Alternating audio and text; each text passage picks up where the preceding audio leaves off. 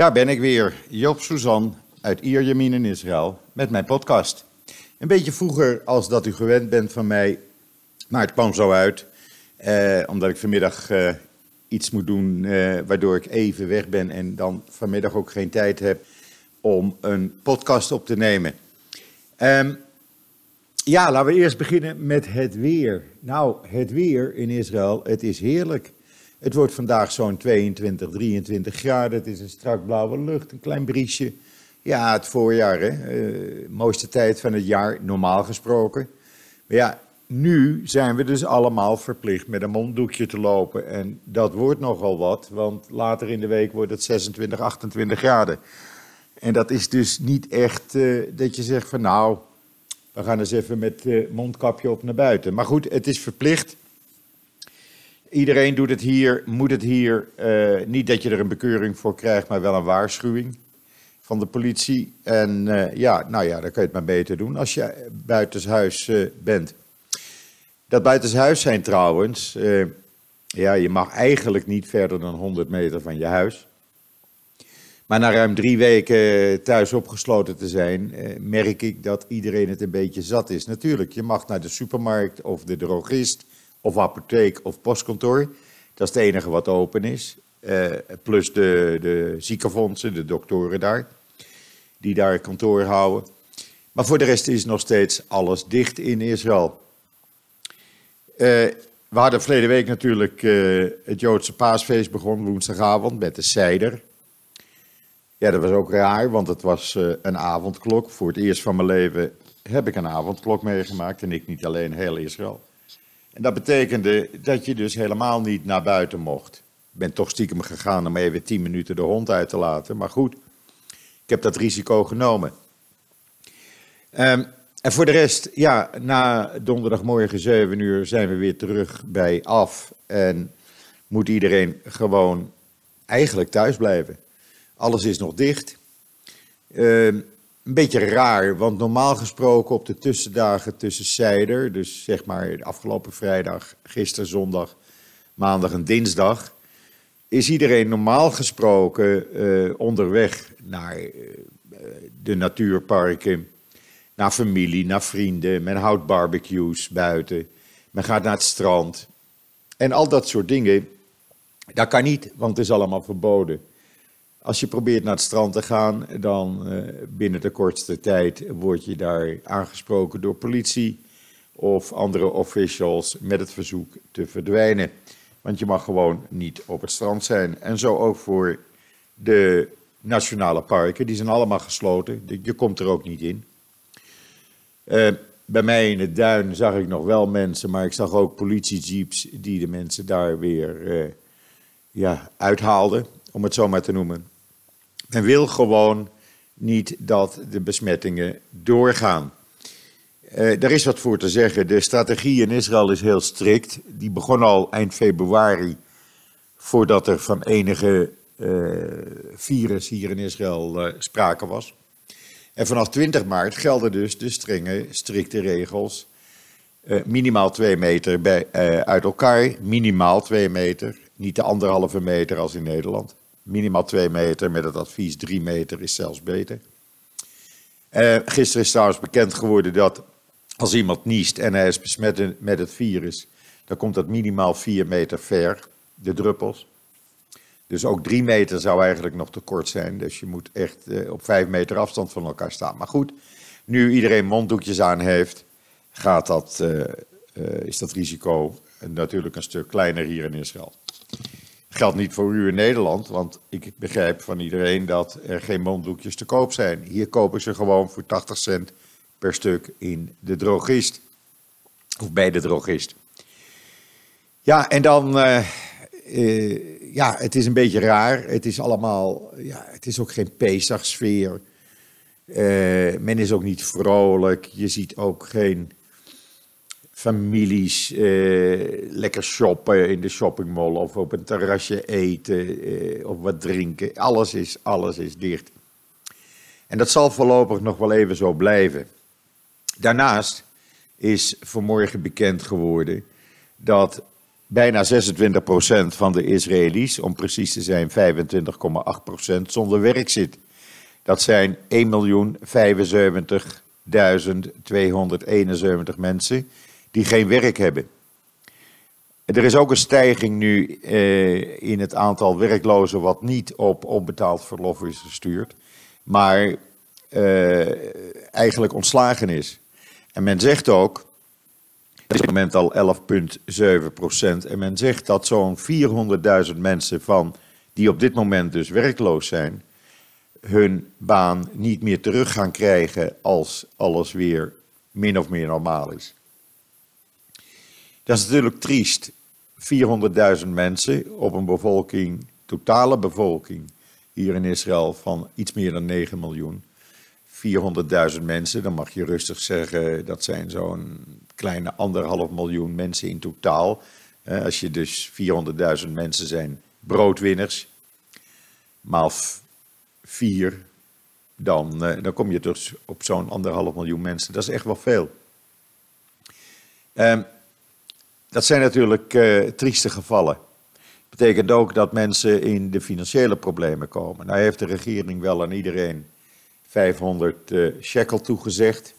En voor gezinnen met kinderen tot vier kinderen krijg je voor ieder kind 500 shekel, dus zo'n 2000 shekel. Maar ja, dat zet uh, geen zoden aan de dijk.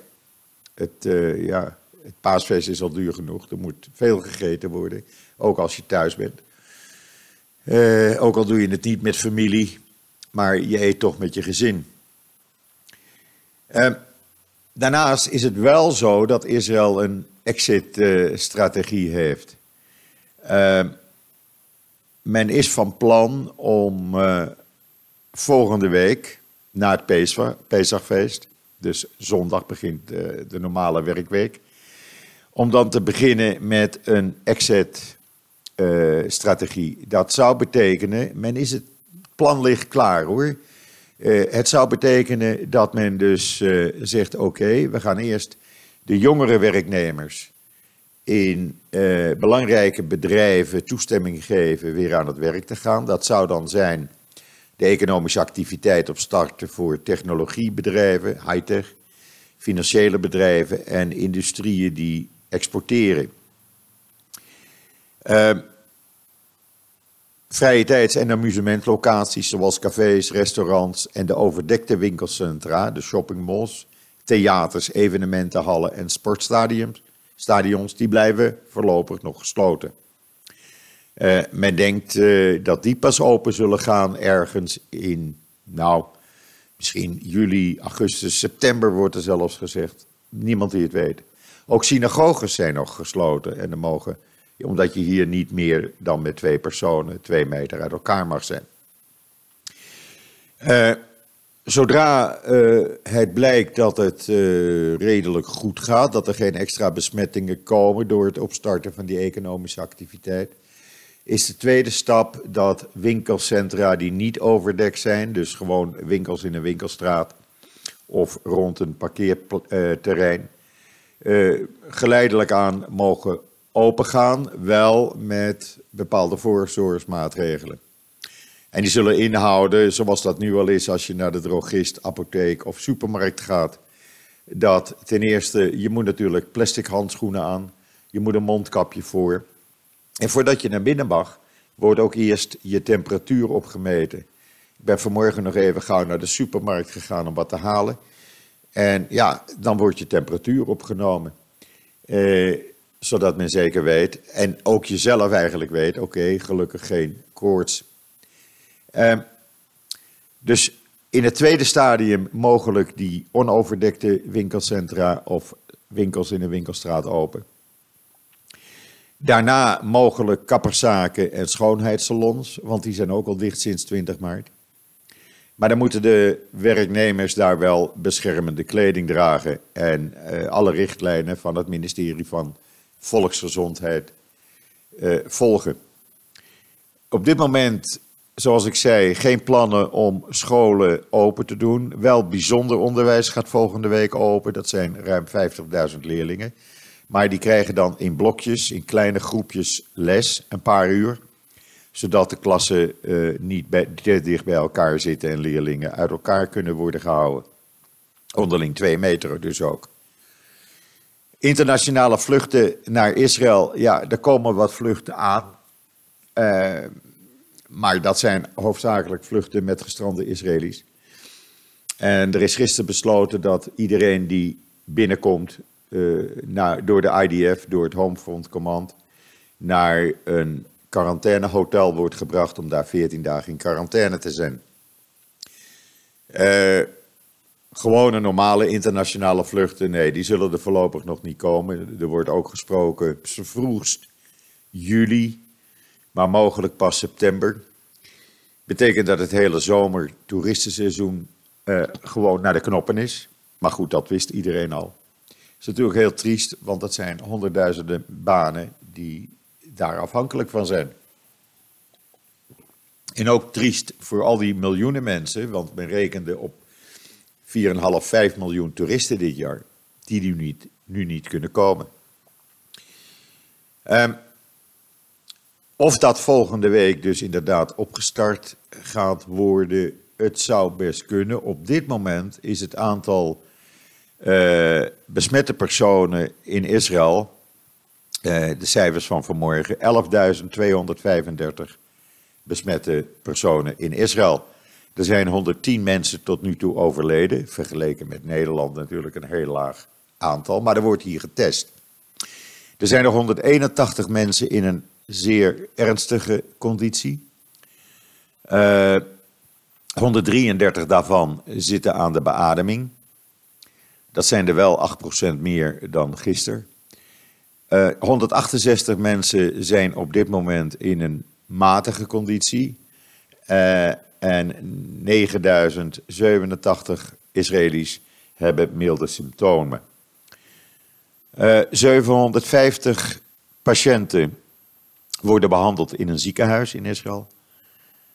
7257 uh, besmette personen zitten thuis in quarantaine. En 1058 zitten er uh, in een quarantainehotel, verdeeld over Israël. De stad met de meeste patiënten is nog steeds Jeruzalem bijna 2100 patiënten, maar die wordt op de voet gevolgd door Benai Barak. U weet wel, de ultra-orthodoxe stad die alle week is afgesloten van de rest van Israël.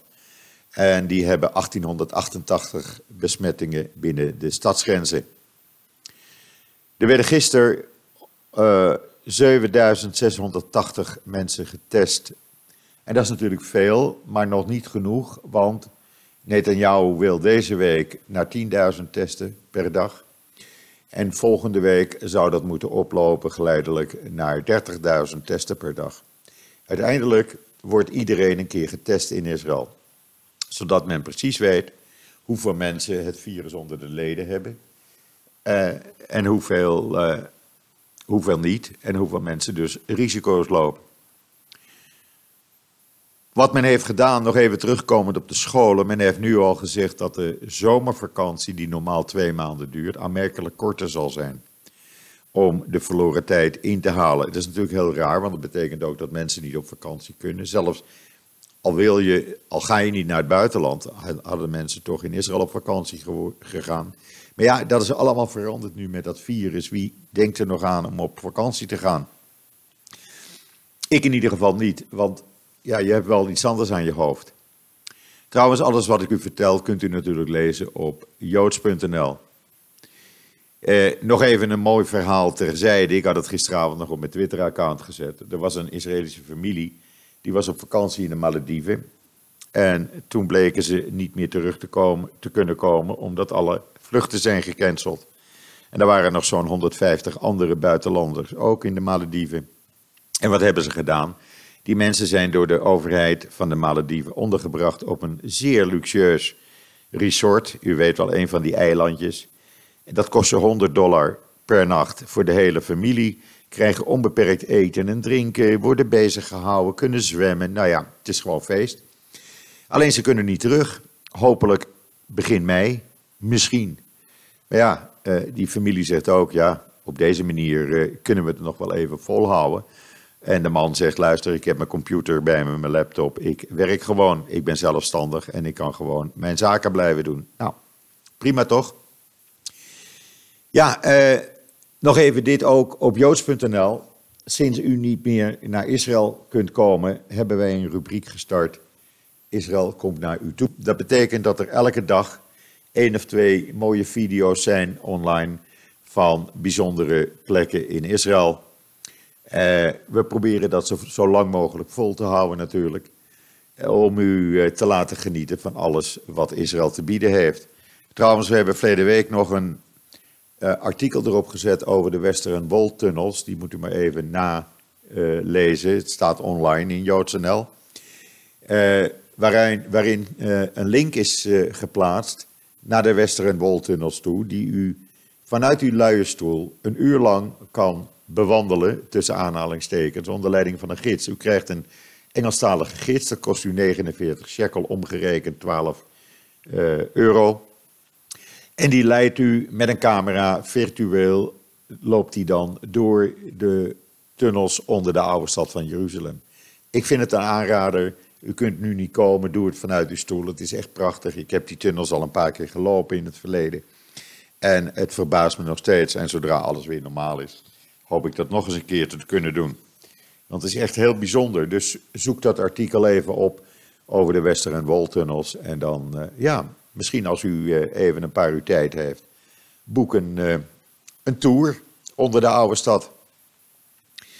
En dan ook iets, ja, ik vind dat wel bijzonder. Er worden natuurlijk overal in, in de wereld acties gedaan voor zorgverleners, voor medisch personeel, artsen, et cetera. In Israël is een organisatie opgericht die heeft al meer dan 10.000 vrijwilligers nu. En wat doen die mensen? Die doen van alles voor het zorgpersoneel. Dat betekent, ze laten de hond uit, ze doen de boodschappen, ze uh, passen op de kinderen. Ze zorgen zelfs dat er een parkeerplaats voor het huis van de dokter of verpleegster vrij is gehouden. Uh, zodra die thuis komt, heeft hij dus een parkeerplaats of zij een parkeerplaats en hoeven ze niet te zoeken. Fantastisch allemaal en dat gaat allemaal belangeloos, alleen maar om het zorgpersoneel te ontzorgen, laten we het zo maar eens noemen. Het is natuurlijk fantastisch dat die mensen op die manier geholpen worden. Wat ook fantastisch is en wat door veel anti- of uh, laten we zeggen Israël-haters niet wordt geloofd, maar die uh, u ook op joods.nl kunt lezen, uh, zijn, is de hulp aan niet alleen de Palestijnse gebieden, maar ook aan Gaza. Zo zijn een aantal medische teams uit Gaza getraind door Israëlische teams, één team zelfs in het ziekenhuis. Die hebben daar een, opleiding, getraining, een training gekregen hoe coronaviruspatiënten te behandelen, hoe je te beschermen, etc. En er wordt nog steeds dagelijks via internet contact gehouden met die medische teams in Israël en de medische teams in, Isra uh, in Gaza. Zodat men uh, de laatste nieuwtjes kan uitwisselen en men vanuit Israël virtueel het medisch personeel in Gaza kan helpen. Daarnaast heeft COGAT, dat is de, ja, de unit binnen de IDF, die zorgt voor contacten uh, in Gaza en uh, de Palestijnse gebieden. Hebben gezorgd dat er vandaag of morgen een hele uh, bijzondere machine naar een ziekenhuis in Gaza gaat. Een PCR-machine waarmee dus heel snel testen op het virus kunnen worden uitgevoerd. Bloedtesten die dus, of speekseltesten die genomen zijn, die kunnen daar ingestopt worden. En op die manier kan het allemaal wat sneller getest worden. Uh, ja, er zijn nog meer werkzaamheden die Israël doet om in Gaza te zorgen dat het virus niet de vrije hand krijgt. En dat is natuurlijk goed, want in deze tijd van het coronavirus moet je elkaar helpen. En ik hoop van harte dat dat ook voor de tijd na het virus positieve signalen gaat geven, zodat er wat meer normalisatie komt. Want we zitten allemaal overal ter wereld in hetzelfde schuitje. Wat Israël wel goed doet, is gewoon met de hulp van de Mossad uh, contacten aanboren overal ter wereld en te zorgen dat er voldoende equipment voor ziekenhuizen en het verplegend personeel naar Israël komt. Zo zijn er afgelopen nacht weer 12 miljoen uh, gezichtsbescherming uh, kapjes naar Israël vervoerd. Uiteindelijk zullen dat er meer dan 30 miljoen zijn die naar Israël aankomen. Uh, zodat er geen tekort is aan mondkapjes. Ik heb ze verleden week of uh, tien dagen geleden gekocht. Ze kosten 80 cent per stuk. Nou, dat kan je de kop niet kosten. Uh, zitten verpakt in pakjes van 10, dus daar kan je altijd even voort. En dat zijn die chirurgische maskers. Nou, die werken prima. Daarnaast, uh, ja, allerlei testmateriaal is naar Israël overgebracht. Er zijn gisteren 2,4 miljoen malaria-pillen, zeg maar, aangekomen. Omdat men daar alternatieve behandelingen mee doet. Men zorgt gewoon dat er zoveel mogelijk spul hier naartoe komt. En dan zal u zeggen, ja, hoe kan dat dan? Nou, heel simpel. En dat kan Nederland, de Nederlandse regering ook doen. Je sluit gewoon een deal. Je betaalt ervoor en het wordt uh, geleverd. Zo werkt het. Uh, ook het verhaal over die app waar men in Nederland nu al dagen, zo niet weken over bezig is. Van ja, uh, die app die kan privacy uh, gevoelig zijn. En ja, sorry, het gaat om je leven. En hier in Israël hebben we sinds 20 maart die app. Ik heb hem ook op mijn smartphone. En elke keer als ik naar buiten ben geweest en ik kom terug, dan zegt die app: Oké, we hebben geen besmettingscontact kunnen vaststellen. Nou, prima, dan weet je tenminste dat je aan de veilige kant zit. En dan moet je maar eventjes niet denken aan privacy, want die is er al lang niet meer. Ik krijg elke maand van Google een overzicht van waar ik ben geweest en hoe laat ik daar ben geweest en hoe lang ik daar ben geweest. Nou ja, goed, privacy bestaat niet meer, dus hou op met dat gezeur. Het gaat om je leven. En ik vind dat iedereen eh, zo'n app eigenlijk in zijn smartphone moet hebben. Dan heb je het risico wat kleiner gemaakt. En dat geldt voor iedereen. Uh, de app heet Hamagen. Hendrik Anton, Hendrik Anton Marie Anton Gerard Eduard Nico Hamagen. U kunt hem downloaden via de Apple Store en uh, de Google Play Store. Ik weet niet of hij in Nederland werkt, maar dan krijgt u een idee tenminste van waar wij hier in Israël mee bezig zijn en waar wij mee te maken hebben. Uh, de meeste Israëli's uh, hebben die app gedownload. Het is geen verplichting, maar je doet het gewoon. Omdat je, uh, ja. Kijk, eigenlijk is ook het opmeten van je temperatuur een privacygevoelig iets. Want er gaat niemand wat aan of ik koorts heb of niet. Maar je laat het toe, omdat het in de voor de veiligheid is van iedereen. En in het meeste belang ook van jezelf. Dus dat doe je gewoon. Dus ik vind dat in Nederland men moet ophouden met dat gezeur. En gewoon zeggen: Israël, stuur mij even de code. Het is een broncode. Hij is vrij te gebruiken voor iedereen. Stuur mij even die code. En dan, uh, dan hebben wij ook die app. Kunnen we hem ook laten uh, gebruiken door de Nederlandse bevolking? Nee, zeggen ze in Nederland. Wij gaan uh, het wiel opnieuw uitvinden. Nou ja, men doet maar. Ik vind ook mondkapjes had men in Nederland ook moeten dragen. Anderhalve meter uit elkaar is veel te kort uh, winkels open, begin er nog niet aan. Zorg eerst dat je het virus onder de knie hebt. En als dat richting 3000 doden gaat, en dat zijn dan alleen maar de geregistreerde sterfgevallen en eh, niet de sterfgevallen van mensen waarvan men niet weet of ze het virus onder de leden hebben en daaraan gestorven zijn. Ja, dan denk ik niet dat je het erg goed doet. En dan ga je de kant op van Engeland, waar al meer dan 10.000 doden zijn. Dus ja, uh, sorry, ik, ik vind toch dat men in Israël, ondanks alle belemmeringen op je persoonlijke leven, dat we al bijna vier weken min of meer gedwongen thuis zitten. Ja, dan maar even door de zure appel heen, zoals dat heet. Maar dan weet je in ieder geval dat het de goede kant op gaat. Ja, dat gezegd hebbende uh, zit mijn podcast er alweer bijna op. Ik ga kijken voor komende donderdag wie ik kan strikken. Uh, omdat ik heb gemerkt dat u het leuk vindt als ik een uur met iemand gewoon over van alles en nog maar praat. Iemand die u allemaal kent. Ik ga kijken of ik donderdag uh, weer een bekende uh, Nederlander kan strikken voor de podcast. Maar dat merkt u vanzelf wel, dat hou ik liever als een verrassing. Voor de rest zeg ik, geniet nog even van deze tweede paasdag in Nederland. Hou het wel veilig. Blijf gewoon minimaal twee meter uit elkaar. Doe dat gewoon. Doe een mondkapje voor, ook al hoeft dat niet. Probeer ze zelf te maken. De instructies kunt u zien op joods.nl. Het is heel simpel, een lapje stof met twee elastiekjes en je hebt het. Blijf aan de veilige kant. En uh, ja, eigenlijk zoals hier, hier mag je niemand die niet tot je huishouden behoort, niet uitnodigen in je huis.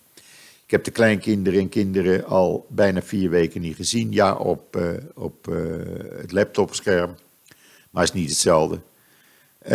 ja, dus het is allemaal even moeilijk. Maar goed, we komen er wel doorheen. We gaan de goede kant op. Zorg dat u aan de veilige kant blijft. En dan zeg ik wat mij betreft nog een hele fijne voortzetting van deze tweede paasdag. En wat mij betreft, tot donderdag.